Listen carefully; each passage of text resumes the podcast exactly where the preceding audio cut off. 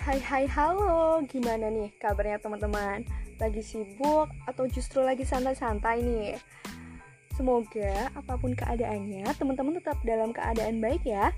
Tetap jaga kesehatan dan jangan lupa dipakai maskernya. Ayo, yang masih suka keluar-keluar nggak pakai masker, siapa nih? Oke, jadi kali ini kita bakal ngapain sih?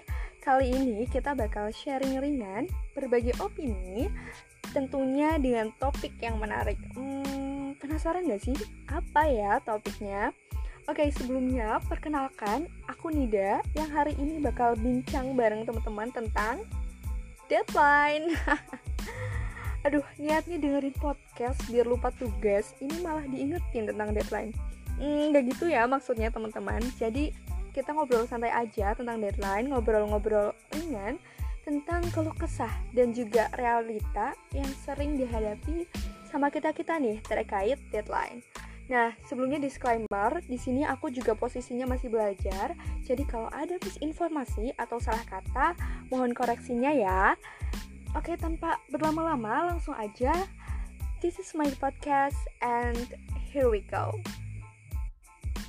Udah ada jadwalnya, udah ada niatnya, tetap aja ngerjainnya mepet. Hmm, mungkin sering ya dialami kita-kita, terutama yang para deadlineers nih. Pikirannya udah terkonsep gitu dari Hamin 7 ya kan, tapi kerjanya tetap aja pas hari H. udah tahu tugasnya banyak tapi malah dinanti-nanti. Aduh, ini mah podcast jatuhnya nyindir diri sendiri kayaknya ya. Hmm, tapi tunggu deh, aku ada satu pertanyaan. Ngomong-ngomong soal deadline, emangnya salah ya jadi deadlineers? Nah, ini nih yang akan kita bahas. Sebenarnya kalau dari opini aku sendiri, ini bukan hal yang salah sih.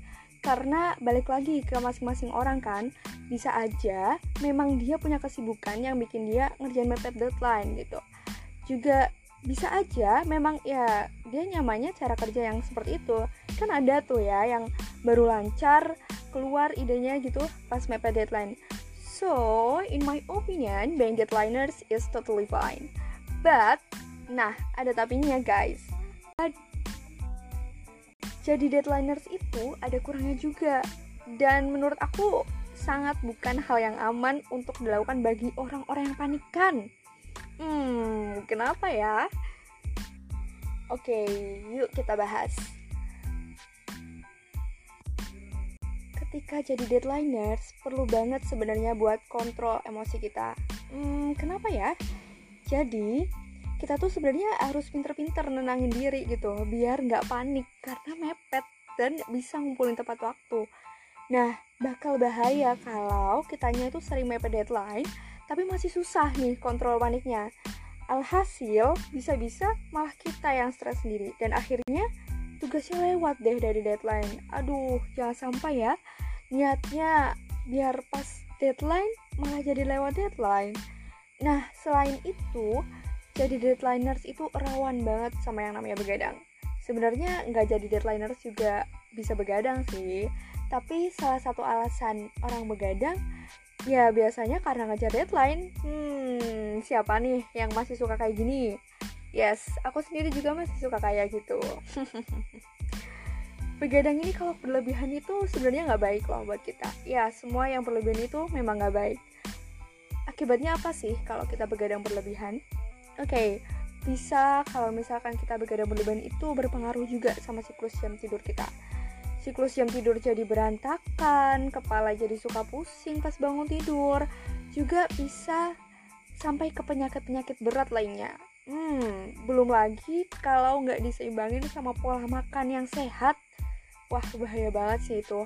Udah perut nggak dikasih makan, badan diforsir, otak suruh mikir, aduh, udah parah banget lah.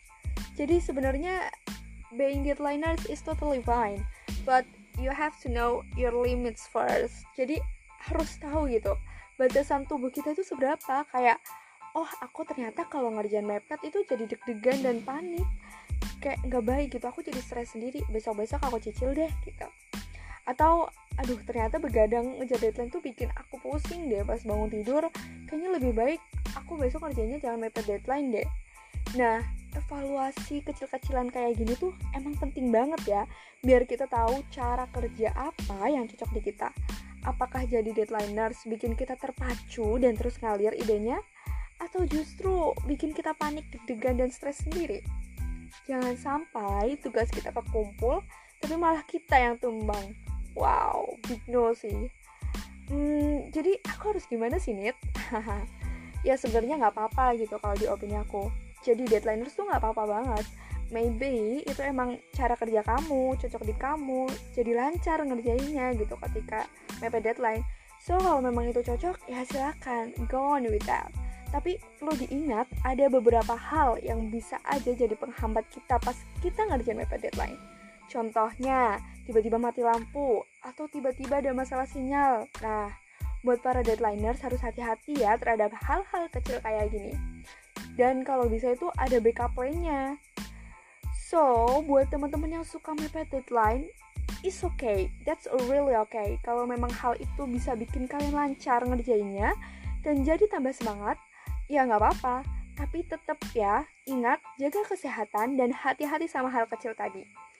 Oke, okay, I think that's all from me. Tetap stay safe, patuhi protokol kesehatan, dan jangan lupa deadline. Aku Nida, and see you next time.